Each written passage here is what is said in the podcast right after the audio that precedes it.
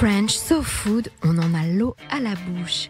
Les grands chefs français sont revenus en Israël pour la sixième année consécutive. Le chef de l'Élysée, Guillaume Gomez, a préparé comme chaque année un plateau de chefs venus spécialement pour cuisiner en tête à tête avec des chefs israéliens. So French, So Food, la semaine de la gastronomie française, a eu lieu la semaine dernière et nous avons eu droit à un programme concocté aux petits oignons. 17 chefs français sont entrés en cuisine à Tel Aviv, Jérusalem, Tibériade, Beersheba, Zichron Yaakov et Nazareth. Ils ont tenu à cuisiner avec des produits du terroir qu'ils ont découverts sur place et ont proposé un menu adapté soit aux règles de la cache-route, soit à l'imagination débordante des chefs israéliens. Créer un pont entre les deux pays, la France et Israël, par le biais de la gastronomie, c'est le but de cet événement organisé par l'ambassade de France en Israël, l'Institut français de Tel Aviv, sous le haut patronage de la région Paris-Île-de-France. Paris réussit car les gourmets et les gourmands israéliens se sont précipités dans les restaurants qui affichaient complet dès le premier jour. L'ambassade de France et l'Institut français de Tel Aviv avaient du pain sur la planche pour mettre en place une telle organisation. Mais après la cinquième édition, on peut dire qu'ils avaient déjà de la bouteille. Barbara Wolfer, conseillère culturelle de l'ambassade de France, nous explique. Oui, c'est un, des, un, un des événements phares de, de, l'ambassade. Il, il, y a une grande équipe qui travaille dessus. Et, encore une fois, comme je le disais, il y a eu une évolution aussi. Et donc l'événement a pris de l'ampleur, prend, prend de multiples dimensions. Donc pas seulement euh, les résidences dans les restaurants, mais toute une, toute une, toute une série d'actions. Donc c'est effectivement un, voilà, un, des événements, euh, un des événements phares que, que la France organise en Israël pour les chefs français, c'est aussi des expériences extrêmement importantes puisqu'ils viennent aussi, eux, rechercher à la fois des ingrédients, des manières de travailler.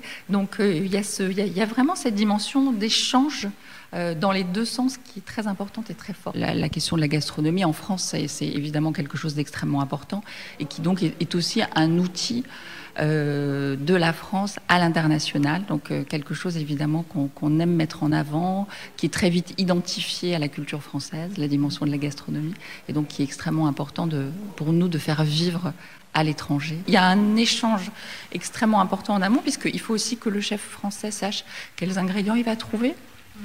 Certains peuvent être amenés à en amener, à amener des ingrédients, mais la plupart du temps, ils aiment travailler sur les produits locaux qu'ils vont trouver ici. Euh, il y a aussi la question de l'adaptation euh, au, menu cachère pour ceux qui sont dans des restaurants cachères. Mais donc il y a un travail qui est euh, systématiquement assez unique entre les chefs, puisque aussi chaque chef a sa manière personnelle de travailler. Et donc ils échangent en général beaucoup en amont.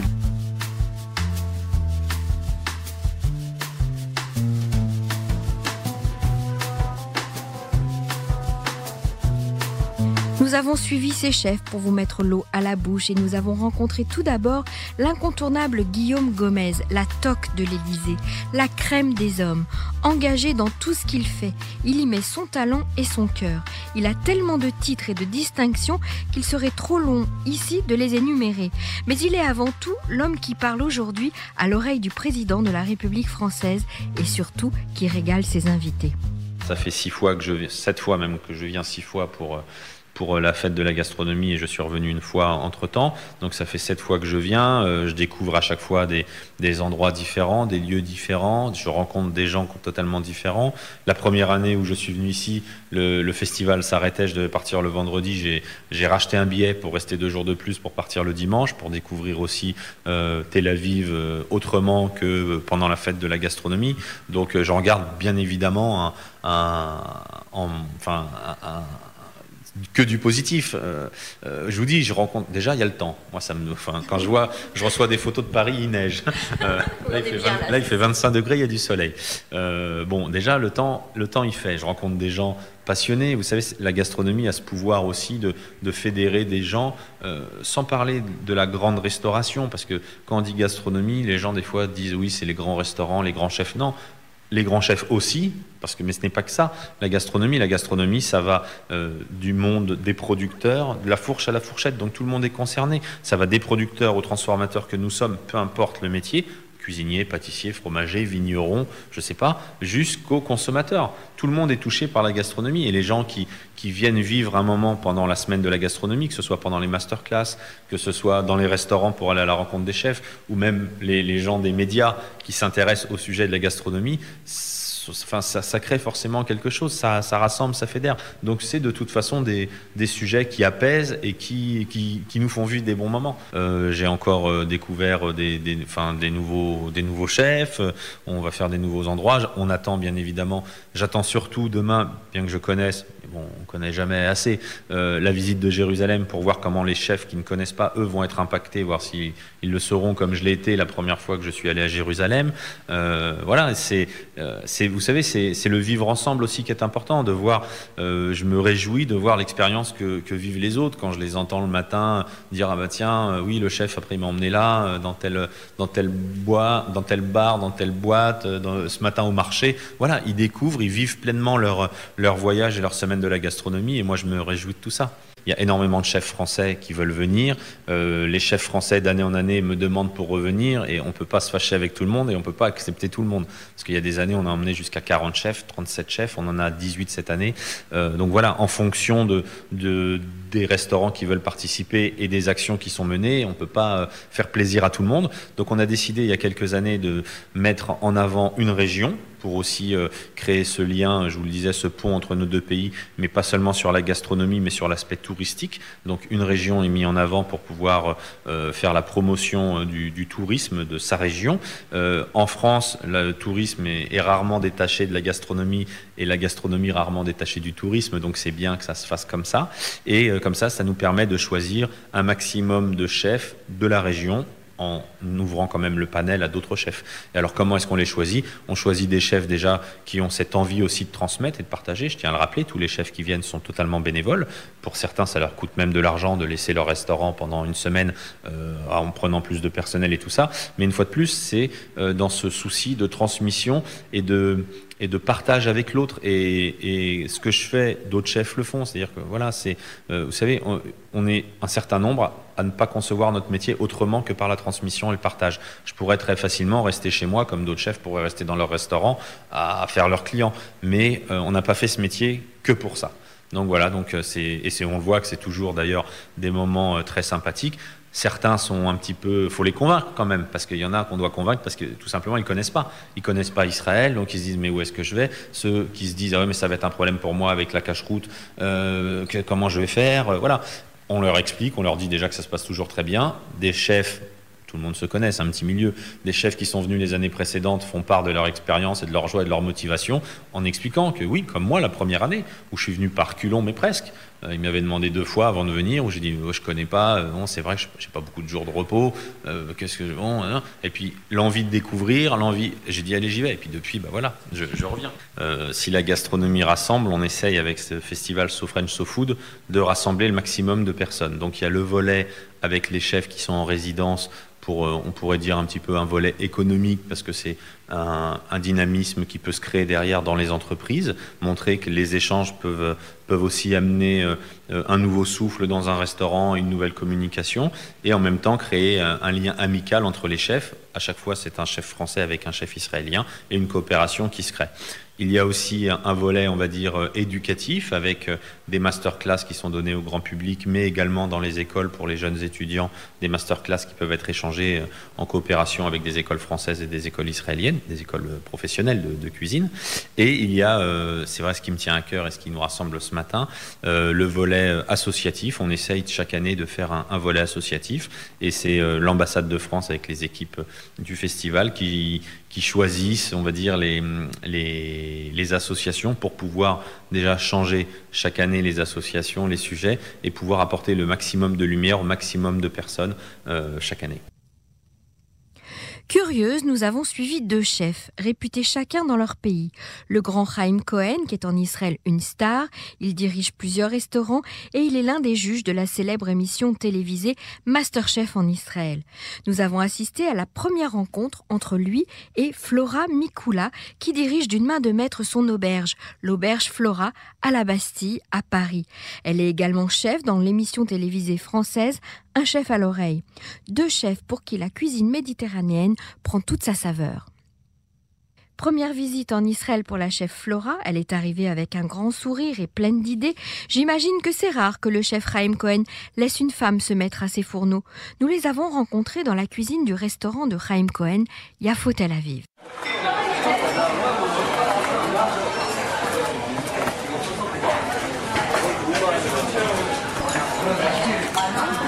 Votre première fois en Israël Ouais. Donc ça va être une, une ouais, ouais, grande expérience.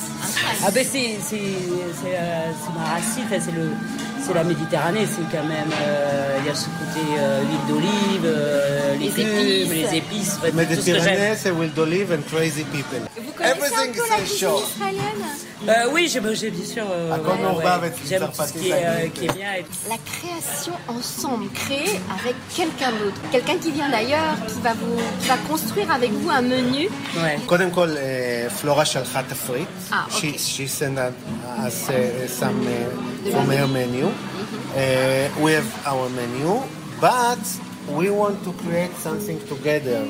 I mean, now she saw the kitchen, she saw the this uh, taboon that for us is really the main issue in the in the restaurant. So she has a, an idea now to uh, create the uh, Puis saladière. pea saladière. saladière Ouais, ouais, Yes. ouais, j'ai vu le Bah four. ouais, euh, alors avec yeah. euh, la classique avec les oignons, les la oignons, moutarde, non, euh, les anchois. les anchois. anchois. j'espère, ouais. Yeah. Anchovy, Les yeah, anchois, on va yes, trouver, ouais. Une la dire, c'est délicieux. Les olives, les étounes. Les, les- les olives, bien Les sûr. olives. La soca aussi, peut-être, non? Oui, on fait là, on fait. On va faire euh, les panis, les panis euh, qui vont aller et But I think the, the challenge for Flora and for us also is uh, she came to, to this kitchen, to this country. I love to use the product from the country. Yeah, you know, uh, balsamic vinegar, okay, but truth, it's like uh, okay. diamond from Italy. So I prefer the terroir. Uh, so, on va. Trina, Trina, if you want, Zata, whatever. On va mettre des. euh, on peut faire aussi avec. On va faire une. On va faire une pizza saladière avec les oignons et les anchois. Et we can do also uh, like a, like pizza with uh, the fish on the top and Ah oui. also all the Pizza au poisson. all calamari, you know. Yeah, I can- told you it's like, uh, Yeah. we play. When I'm going to see the yeah. yeah, yeah, we play. Chaim, comment est-ce que les Israéliens voient aujourd'hui la cuisine française Terry, uh, something happened in the world with food. You know, all the world is around food. Uh, in the past, it was uh, French cuisine, Italian cuisine. For us, it was uh, the best. But now I think the, the world is more open, and we eat because of this communication. You know, you see food from all, all That's over right. the world, and um, the globalization is really bad things for food for me. But I think still for me, uh, France, France is uh, is the really in the in the first place for cuisine, and uh, Paris for me always still with all the mess you have there with you have there. Uh, I think she's the most desirable uh, city in the world, and um, I think something good happened from the new war to the French cuisine. He, he opened it, you know, a little bit, and. Uh, Laura, Je sais pas, Non, j'aime bien, euh, moi je suis pareil, je suis les saisons, je suis... euh, Produit du terroir Ouais, ouais, ouais, il faut que... Bah, il y a de, l'huile d'olive, quoi. Il n'y a pas de crème, quoi, chez moi. C'est ça, vous ouais, cuisinez pas au beurre ni à la crème. Très peu, très peu. Tu as l'huile d'olive, Ouais, de ouais, même dans la pâtisserie, voilà, c'est, euh, il faut qu'il que ça soit relevé, il faut que ça soit un peu soleil. Mais je, me- je fais aussi euh, avec les saisons. Là, là, on va faire un plat, parce que j'ai des origines polonaises. Voilà, par mon père. Donc, euh, il y a, on va faire le borscht. euh, il y a ce côté, euh, oui, un peu ashkénaze. Elle est un peu ashkénaze. Ouais. Je vous souhaite à tous les deux vraiment Beatzlacha, bonne chance. Amusez-vous bien. Ouais, bah, le, retour des chefs dans les restaurants, c'est qu'ils sont étonnés parce que c'est pas le cas dans le monde entier, notamment pour ceux qui font des semaines de la gastronomie dans le monde entier et qui ont l'habitude de faire des, des promotions dans, dans, le monde entier. Ils ont été étonnés par la qualité ici euh, des, des, brigades, c'est-à-dire que les, les, pas que les chefs, les chefs bien évidemment, ils sont à leur travail, mais du commis au, au chef de cuisine, euh, tout le monde est à son poste, tout le monde est à l'écoute et ils sont vraiment très studieux et très appliqués. Euh, je vois la chef Flora hier me disait, j'ai montré une fois et derrière ils avaient bien compris. Ils posent les bonnes questions, ils sont professionnels, ils arrivent avec des recettes qu'ils ne connaissent pas, ce ne sont pas leur cuisine. Euh, le chef leur montre et il n'y a pas besoin de repasser derrière. Ce sont des professionnels. On voit qu'ils ont, c'est ce que j'expliquais, au-delà des recettes, dans la cuisine l'important c'est pas les recettes, ce sont les techniques. Et quand vous maîtrisez votre métier et quand vous avez les techniques, vous comprenez ce qui se passe quand vous savez gérer le feu, quand vous savez, quand, vous savez maîtriser tout ça, euh, les cuissons, les assaisonnements. Euh, voilà, on vous donne une recette, c'est pas compliqué. Quand on vous dit vous mettez cette épice plutôt que ça, vous allez jamais en mettre trop parce que vous savez euh, la puissance de l'épice. Quand on vous dit faut cuire la viande comme ça, ce sera jamais brûlé parce que vous savez cuire. Peu importe si c'est un morceau de viande que vous ne connaissez pas. Donc voilà, c'est, ils ont été étonnés par cette qualité. Et je pense que c'est ce qui fait aussi le fait de la formation en interne, parce que je pense qu'il y a encore des, une progression à faire dans les écoles. Au sein de la formation des jeunes cuisiniers, il y a vraiment euh, euh, du travail à faire de ce côté-là et ça, progresse petit à petit. Mais ce qui fait la qualité de la restauration en Israël, c'est que les chefs dans le restaurant sont impliqués à former les jeunes qui arrivent. La semaine de la gastronomie française en Israël, c'est avant tout du partage. Cette année, les chefs ont voulu tendre la main à des personnes en marge de la société pour qui un métier en cuisine pourrait devenir synonyme de liberté et d'indépendance. C'est vers le projet Salit que l'ambassade de France s'est tournée cette année, un projet de la mairie de Tel Aviv qui aide les femmes prostituées à sortir de l'enfer dans lequel elles se trouvent et à se réinsérer grâce à un métier. Yael Barour, responsable des projets culturels de l'Institut français de Tel Aviv, nous explique ce choix. La gastronomie, c'est une question, c'est une histoire de partage. La cuisine, c'est une histoire de partage, de mise en commun, d'échange, de partage. Et la France, c'est également ça. Et euh, c'est l'image de la France. Le simple fait que notre ambassadrice ouvre sa maison, ouvre sa résidence pour accueillir ces personnes, que ce soit les jeunes adolescents de Bedror ou euh, les enfants d'Elifelet l'an dernier, qu'ils soient accueillis par l'ambassadrice à la résidence de France et qu'ils suivent un atelier mené par euh, une main de maître, par Guillaume Gomez et par Dana Boulker. C'est tellement valorisant pour eux. C'est une petite fenêtre qui s'ouvre dans un quotidien souvent très très difficile.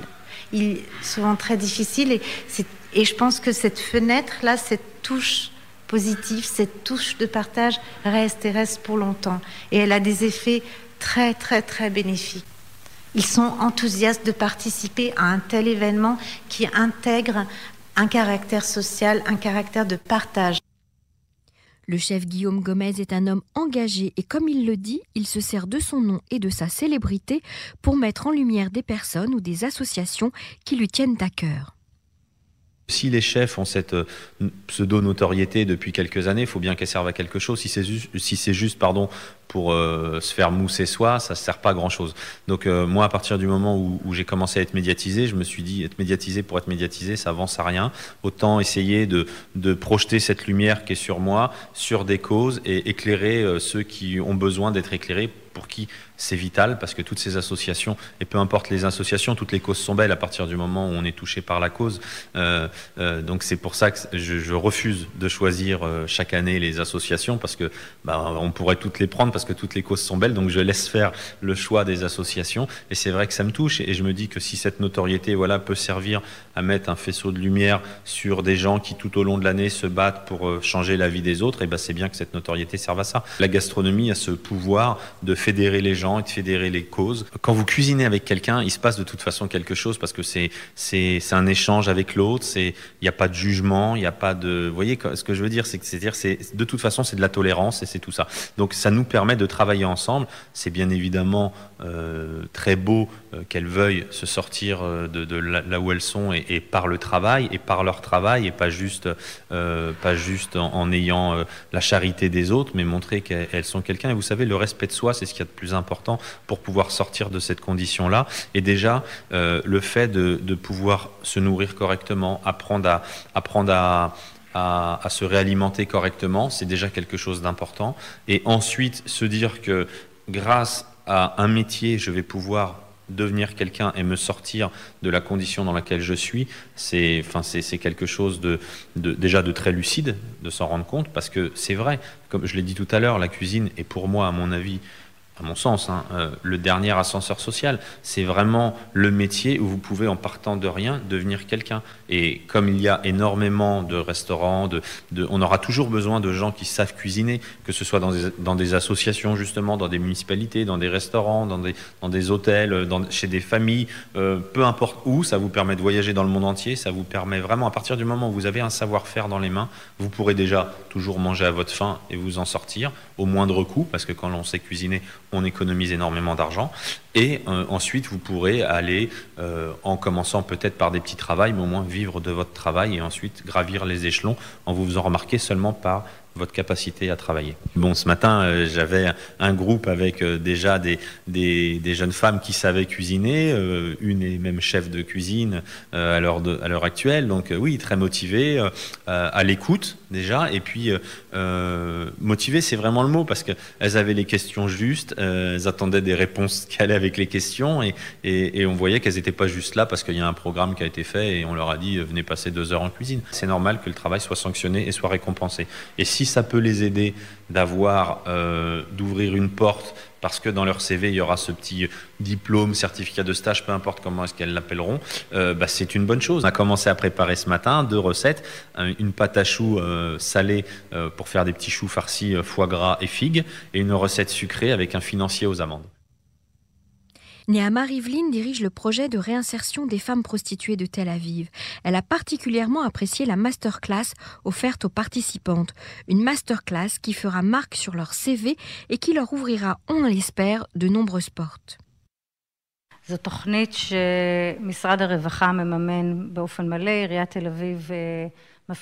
Il s'agit d'un programme financé intégralement par le ministère des Affaires sociales et qui est mis en place par la mairie de Tel Aviv. Il y a dix ans, les femmes prostituées étaient transparentes, des femmes dont le statut n'était pas du tout reconnu par l'État comme étant des femmes ayant besoin d'assistance. Il y a dix ans a vu le jour ce programme, qui est une série de soins et qui permet aux femmes d'en sortir. Bien qu'une partie des femmes que nous rencontrons se prostituent toujours, nous leur parlons des possibilités d'assistance, de l'alternative de la réinsertion, et c'est ainsi que nous créons un lien.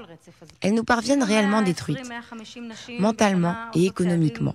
Sur les 300 femmes par an que nous rencontrons et qui se trouvent dans toutes les étapes de la prostitution, certaines sont encore actives et qu'elles viennent vers nous, ou que ce soit nous qui les approchions, entre 120 et 150 font les premiers pas vers une sortie de la prostitution et commencent à s'intégrer dans le monde du travail. Car l'indépendance financière, afin de ne pas être dépendante des hommes, c'est un thème central. Comme je l'ai dit, chaque femme se reconvertit dans un domaine qui leur soit adapté. Cuisine, de pâtisserie, grâce à des écoles qui nous ont fait de ces cours. Et certaines ont décidé de se reconvertir dans les professions culinaires. Et l'occasion d'apprendre auprès du chef du palais de l'Élysée, eh bien au-delà du fait qu'il s'agisse d'une expérience inoubliable, eh bien ces femmes recevront un certificat. Et je pense que c'est un grand plus pour leur CV, mais aussi pour leur image d'elles-mêmes et pour leur confiance en elles. C'est en effet un projet émouvant. L'ambassade de France m'a contacté. Yael Barour m'a expliqué qu'à l'occasion de la semaine de la gastronomie, eh bien chaque année, ils organisent une initiative différente avec des ONG et que cette année, ils avaient choisi Salit afin de parler de ce sujet de la prostitution et ça m'a beaucoup ému. Les chefs israéliens sont en vogue aujourd'hui à Paris, Londres et à New York. Créativité, joie de vivre et liberté sont les commentaires les plus souvent entendus. Les chefs français, eux, ont inventé la gastronomie. Elle doit faire appel à quatre sens, le goût, la vue, l'odorat et le toucher, et doit contenir des produits d'une irréprochable fraîcheur. En 2010, la gastronomie française a été classée patrimoine culturel immatériel de l'humanité à l'UNESCO. Les grands chefs cuisiniers sont des artistes, leurs prouesses culinaires sont des œuvres d'art pour le palais. Ces rencontres franco-israéliennes étaient un vrai régal, de l'amitié, beaucoup de talent et une véritable envie de partage.